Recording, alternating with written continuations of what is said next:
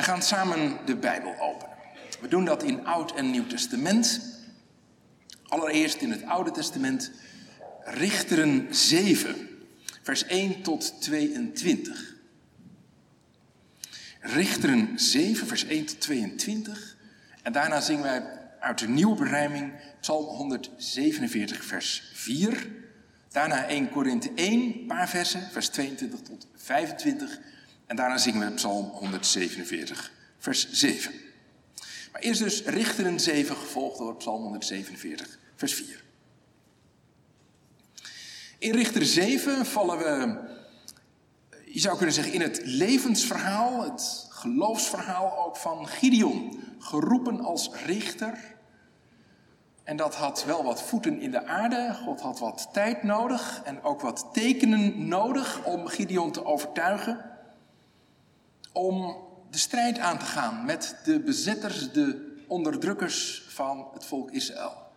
En nu is het zover. Richteren 7. Toen stond Jerubabel, dat is Gideon, vroeg op met al het volk dat bij hem was. Zij sloegen hun kamp op bij de bron Harod. Terwijl het kamp van Midian ten noorden van hem lag, achter de heuvel More in het dal. En de Heere zei tegen Gideon, het volk dat bij u is, is voor mij te talrijk om Midian in hun hand te geven. Anders zou Israël zich tegen mij kunnen beroemen en zeggen, mijn eigen hand heeft mij verlost. Wel nu, roep toch ten aanhoren van het volk, laat wie bevreesd is en beeft, terugkeren. En zich naar het gebergte van Gilead haasten. Toen keerden er uit het volk 22.000 man terug, zodat er 10.000 overbleven. Daarop zei de Heer tegen Gideon: Het volk is nog te talrijk. Laat hen afdalen naar het water, daar zal ik hen voor u uitzuiveren. Zo zal het gebeuren. Van wie ik tegen u zal zeggen: Deze mag met u optrekken, die mag met u optrekken. Maar al degene van wie ik zal zeggen: Deze mag niet met u optrekken, die mag niet mee optrekken. En hij liet het volk afdalen naar het water. Toen zei de Heer tegen Gideon: Iedereen die het water met zijn tong oplikt, zoals een hond likt, die moet u apart zetten. En iedereen die op zijn knieën zich bukt om te drinken, eveneens. Het aantal van hen die met hun hand het water naar de mond brachten om het op te likken was 300 man. Maar heel de rest van het volk had zich op hun knieën gebukt om water te drinken. Toen zei de Heer tegen Gideon, door de 300 man die gelikt hebben, zal ik u verlossen en Midian in uw hand geven. Laat daarom al het overige volk weggaan, ieder naar zijn woonplaats. Ze namen de proviand van het volk en hun bazuinen met zich mee. Maar al de overige mannen van Israël liet hij gaan, ieder naar zijn tenten. De 300 man hield hij echter bij zich. En het kamp van Midian lag beneden hem, in het dal.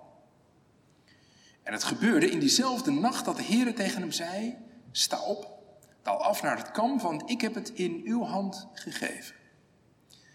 Bent u echter nog te bevreesd om af te dalen, daalt u dan met Pura uw knecht af naar het kamp. En dan zult u horen waar zij over spreken. Daarna zult u moed vatten en naar het kamp afdalen. Vervolgens daalde hij met zijn knecht Pura af tot aan de rand van de strijdmacht die zich in het kamp bevond. Midian en Amalek en al de mensen van het oosten lagen in het dal, zo talrijk als de sprinkhanen. En hun kamelen waren ontelbaar, zo talrijk als de zandkorrels die zich aan de oever van de zee bevinden. toen Gideon daar aankwam, zie, toen was er een man die zijn metgezel een droom aan het vertellen was. Hij zei, zie, ik heb een droom gehad en zie, een geroosterd gerstebrood rolde het kamp van Midian binnen. Het kwam tot bij de tent, sloeg er tegenaan, zodat hij omviel en keerde hem ondersteboven. En daar lag de tent. En zijn metgezel antwoordde en zei, dat is niets anders dan het zwaard van Gideon, de zoon van de Israëlitische man Joas. God heeft Midian en heel dit kamp in zijn hand gegeven. En het gebeurde toen Gideon het verhaal van de droom en zijn uitleg had gehoord, dat hij zich in aanbidding neerboog. Hij keerde terug naar het kamp van Israël en zei: Sta op, want de Heere heeft het kamp van Midian in uw hand gegeven. Toen verdeelde hij de 300 man in drie groepen en gaf iedereen een bazuin en lege kruiken in de hand, met fakkels binnenin de kruiken. En hij zei tegen hen: Kijk naar mij en doe net zo. En zie, als ik aan de rand van het kamp ben gekomen, dan moet, je, dan moet het zo zijn dat u doet zoals ik doe. Als ik op de bazuin blaas, ik en allen die bij mij zijn, dan moet u ook op de bazuin blazen, rondom heel het kamp en zeggen: Voor de Heere en voor Gideon. Zo kwam Gideon met de honderd mannen die bij hem waren, bij de rand van het kamp. Het was aan het begin van de middelste nachtwaken, net nadat ze de wacht weer hadden opgesteld. Toen bliezen ze op de bazuinen en sloegen de kruiken die in hun hand waren in stukken. En zo bliezen de drie groepen op de bazuinen en braken de kruiken. Met hun linkerhand hielden ze de fakkels vast, met hun rechterhand de bazuinen om daarop te blazen. En ze riepen, het zwaard van de heren en van Gideon. En ze stonden rondom het kamp, ieder op zijn plaats. Toen ging heel het kamp op de loop. Ze schreeuwden het uit en vluchtten weg. Toen de driehonderd op de bazuinen bliezen, richtte de Heer het zwaard van de een tegen de ander. En dat in heel het kamp. En het leger vluchtte naar Beet Sitta in de richting van Zeerera. Tot aan de oever van Abel Hola boven Tabbat. Tot zover de lezing uit het Oude Testament. Wij lezen in het Nieuwe Testament en wel uit de eerste brief van Paulus aan de Corinthiërs, hoofdstuk 1, vanaf vers 22 tot 25. Paulus is daar bezig om uit te leggen dat God anders naar de dingen kijkt dan wij mensen. En dat wat wij mensen dwaas vinden, wel eens de wijsheid van God kan zijn. En omgekeerd, wat wij wijs vinden, de dwaasheid in Gods ogen. En dan schrijft hij in vers 22. Immers, de Joden vragen om een teken en de Grieken zoeken wijsheid. Wij echter prediken Christus, de gekruisigde. Voor de Joden een struikelblok en voor de Grieken een dwaasheid. Maar voor hen die geroepen zijn, zowel Joden als Grieken, prediken wij Christus, de kracht van God en de wijsheid van God. Want het dwaze van God is wijzer dan de mensen. En het zwakke van God is sterker dan de mensen. Tot zover de lezing uit het Nieuwe Testament. Tot zover de lezing uit de schriften vanmiddag. Gemeente van Christus. Zou president Poetin ook wel eens bang zijn? Dat is misschien een beetje een vreemde vraag, maar denk er eens over. Het is duidelijk dat veel Russen bang zijn. Ze kozen er onlangs voor om massaal te emigreren, weg te trekken uit Rusland in plaats van te gaan dienen in het Russische leger onder de wapens. Het is ook duidelijk dat veel mensen in Europa bang zijn. In ieder geval met argwaan en argusogen de ontwikkelingen daar in Oekraïne bekijken. Ook in Nederland is dat zo. Maar zou president Poetin ook bang zijn? Ik zal uitleggen hoe ik aan die vraag kom. Het motief van de angst is een van de dingen die enorm oplichten in het hoofdstuk dat we samen gelezen hebben vanmiddag. Richter 7. En dat blijkt al meteen aan het begin van deze geschiedenis. In het vorige hoofdstuk wordt verteld hoe Gideon aan God tot liefst twee keer toe vraagt om een teken. God zegt tegen Gideon: Jij moet mijn volk leiden in deze bevrijdingsmissie. En Gideon zegt eigenlijk: Heer God, weet u dat wel zeker? Weet u het zeker? En ik weet het in ieder geval niet zeker. Dus zou u mij een teken willen geven? Een vlies op de dorsvloer. Vlies nat, de dorsvloer droog. En omgekeerd. Eerst omgekeerd, dors, dorsvloer nat, vlies droog en dan het omgekeerde. En tot twee keer toe zegt God, Gideon, ik ga met je mee. Je krijgt wat je vraagt. En nu lezen we in alle vroegte dat Gideon opstaat, al het volk dat bij hem was, en dat ze hun kamp opslaan bij een bron. Is natuurlijk belangrijk, water, levensbelang, bij een bron. En die bron heet Harod of Garot. Nou, dat zegt ons waarschijnlijk niks. Maar als je Hebreeuws kent, en dat is natuurlijk de taal van de mannen van Gideon, is dat niet zo'n beste plek. Want Garot, dat betekent in het Hebreeuws beven. De beefbron. De trilbron. Trillen van angst. Beven van schrik. Klinkt als een opschrift boven dit hoofdstuk. En de Heer zei tegen Gideon, het volk dat bij u is, is veel te groot, veel te talrijk om Midian in hun hand te geven. Anders zou Israël nog denken, wij hebben dat in eigen kracht gedaan. Wij hebben door onze spierballen, door onze moed, door onze kracht, dit volk verslagen. Ook weer zo'n wonderlijk zinnetje dat makkelijk vragen oproept. Gaat het hier over God die misschien te bang is dat wij mensen ons verheffen, ons groot gaan voelen? Gaat het hier dus ten diepste over een God die mensen klein houdt? Ik denk het niet, gemeente. Je zou het kunnen vergelijken met een eh, museum. Als je wel eens naar een museum gaat en uh, dan kom je daar schilderijen tegen, doeken tegen die echt groot zijn. Soms echt heel groot. Denk aan de nachtwacht van Rembrandt. En daar kun je natuurlijk uh, op 50, meter, 50 centimeter afstand gaan staan. En dan zie je vast wel iets van het schilderij. Maar je ziet niet het hele plaatje. Hoe komt dat? Je staat er te dicht op. Dan helpt het om even oppassen dat ik er niet afval, dan helpt het om een paar stapjes terug uit te doen. Dan zie je het hele plaatje. En zo is het eigenlijk ook hier, in deze Bijbelse geschiedenis. Want waar gaat het hier over? Het refrein in het boek Richteren is het telkens terugkerende zinnetje dat Israël deed wat kwaad was in de ogen van de Heer. Elke keer opnieuw. En wat gebeurt er als Israël zich dus van God afwendt en zich toewendt naar andere machten, ja, dan worden die groot en sterk. Als je van God afwendt, dan wend je je ook af van zijn Torah, zijn wetten. Klinkt wetten altijd in onze taal best streng, wetten, regels. Torah betekent vingerwijzing, heel letterlijk, vingerwijzing. Je wordt geholpen, die kant moet je op, beter niet die kant, maar wel die kant. Dat is Torah, vingerwijzing.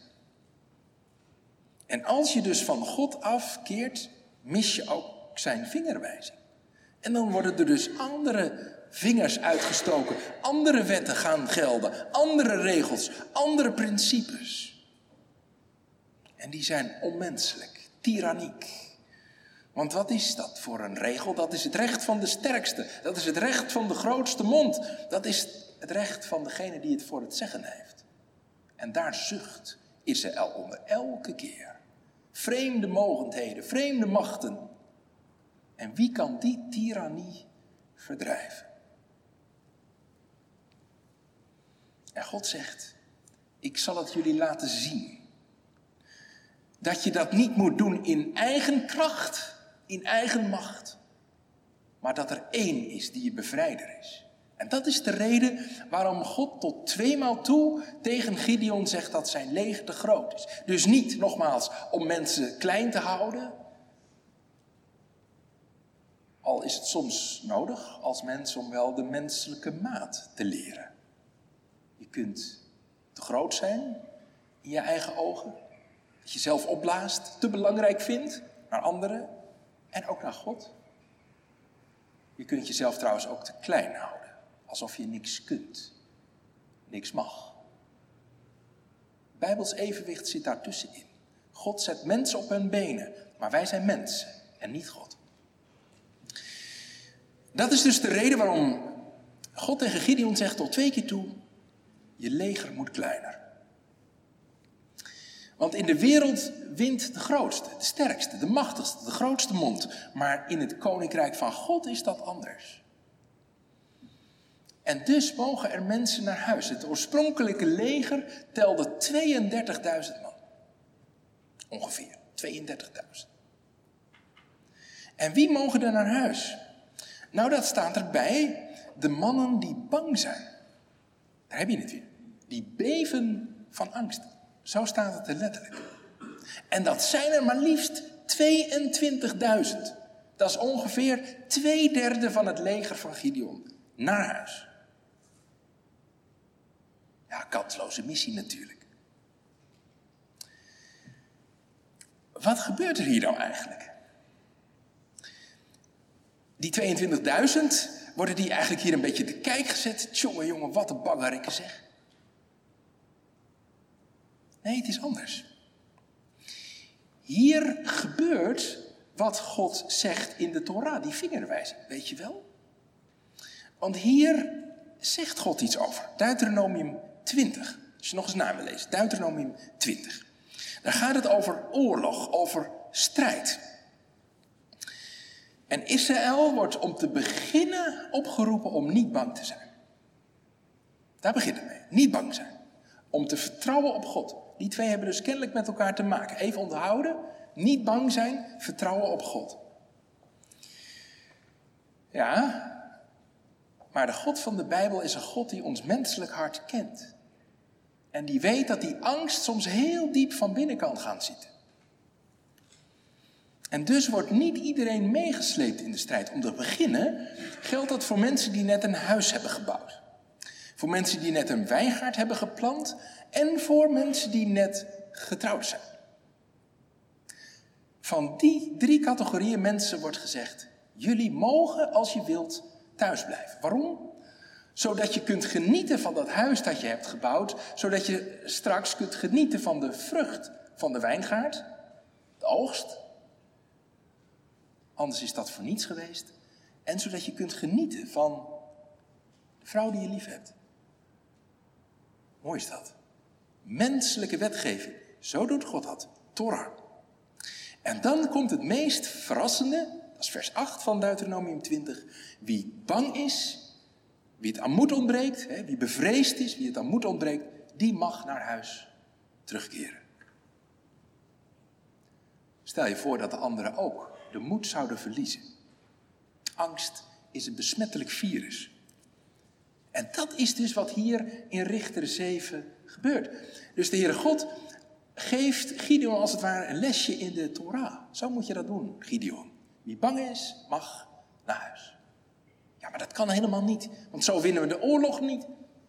Gideon, zo wil ik het. Wie bang is, mag naar huis. Stel je toch voor, gemeente, dat dat zo zou gaan vandaag. Je hebt een leger en de generaal zegt, of de president, wie bang is, mag naar huis.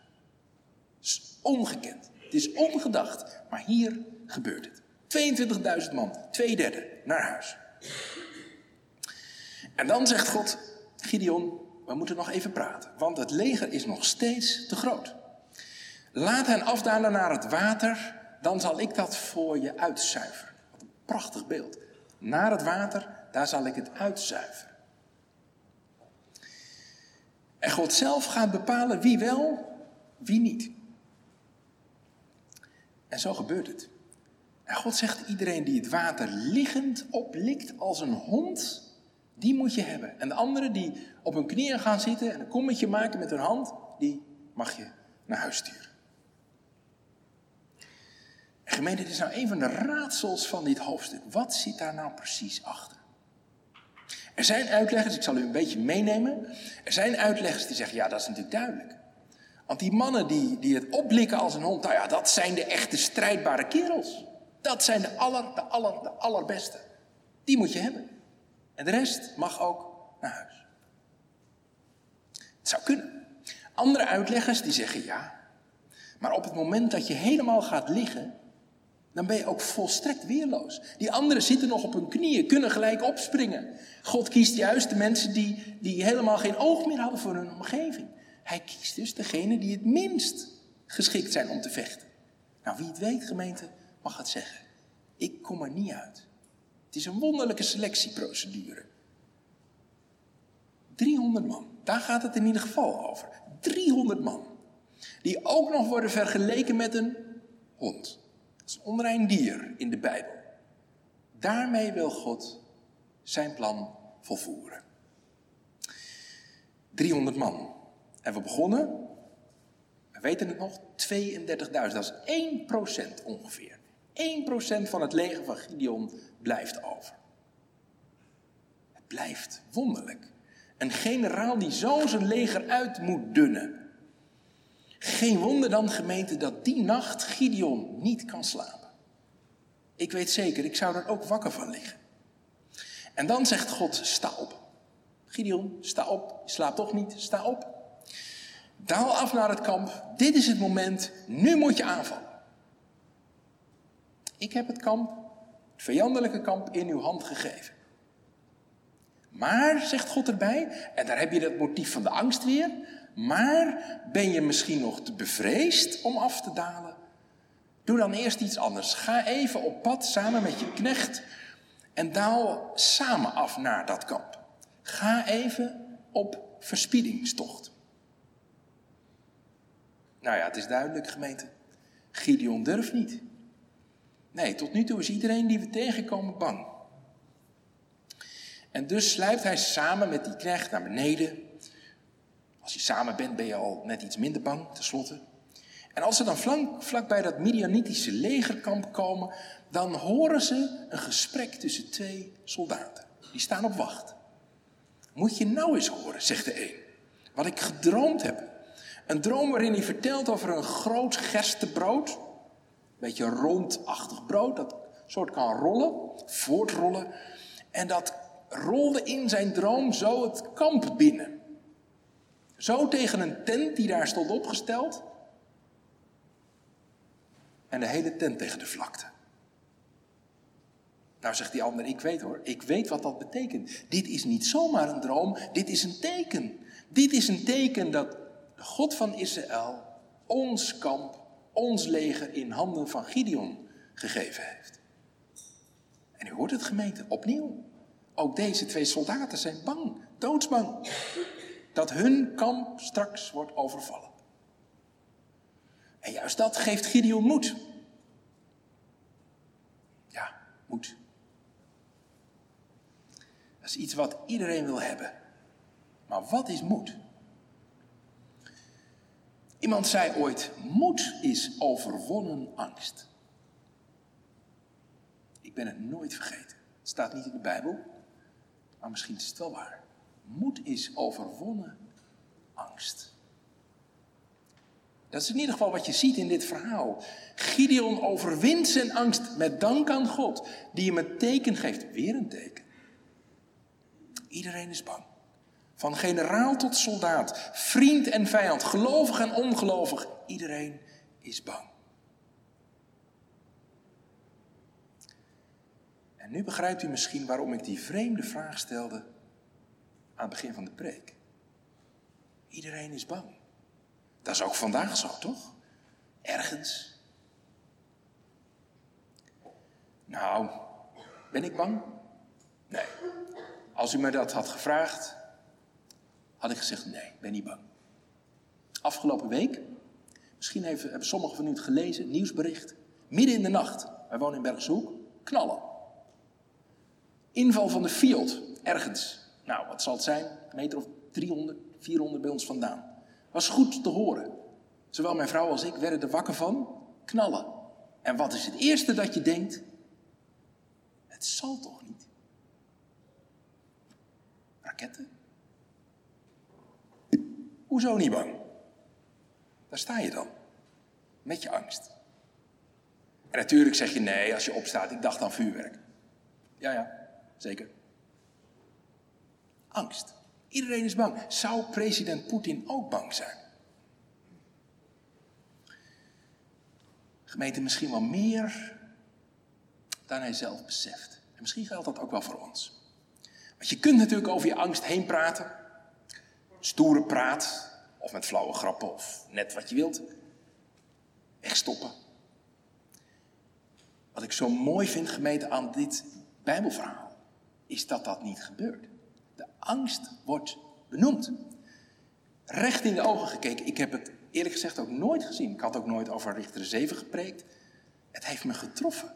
De angst, het ligt er helemaal bovenop. Er is in dit verhaal echt niemand die niet bang is. En dat is zo mooi. Daarom houd ik zo van deze Bijbelse geschiedenissen, vanwege die absolute eerlijkheid. Vanwege die enorme menselijkheid ook. Ze schuiven als het ware de Bijbelse figuren zo naast je in de bank. Moed is overwonnen angst. Dat is het. En Gideon buigt zich dankbaar neer. Dankbaar voor wat God geeft. En zodra hij terug in het kamp is, zegt hij: Sta op, mannen, sta op. En hij deelt ze in, die 300 man, ook nog eens in drie groepen. Ieder van uitgerust met een ramshoorn. Zegt de herziende staatvertaling, maar eigenlijk is het de ramshoorn. Die werd gebruikt op het moment dat er geblazen moest worden als teken van strijd. Onder andere, niet alleen, maar dat ook. Ook op de grote verzoendag, ook op de nieuwjaarsdag geblazen. Als een teken, Israël moet bij elkaar komen. De ramshoorn. In het Hebreeuws is dat de shofar. De shofar. Die hadden ze meegenomen, want normaal gesproken hadden alle legeraanvoerders die. Alleen die. Alleen legeraanvoerders, niet gewone soldaten, alleen de aanvoerders. Maar er waren er natuurlijk al heel veel naar huis gestuurd. En Gideon had al die bazuinen, al die chauffeurs bewaard, ingenomen.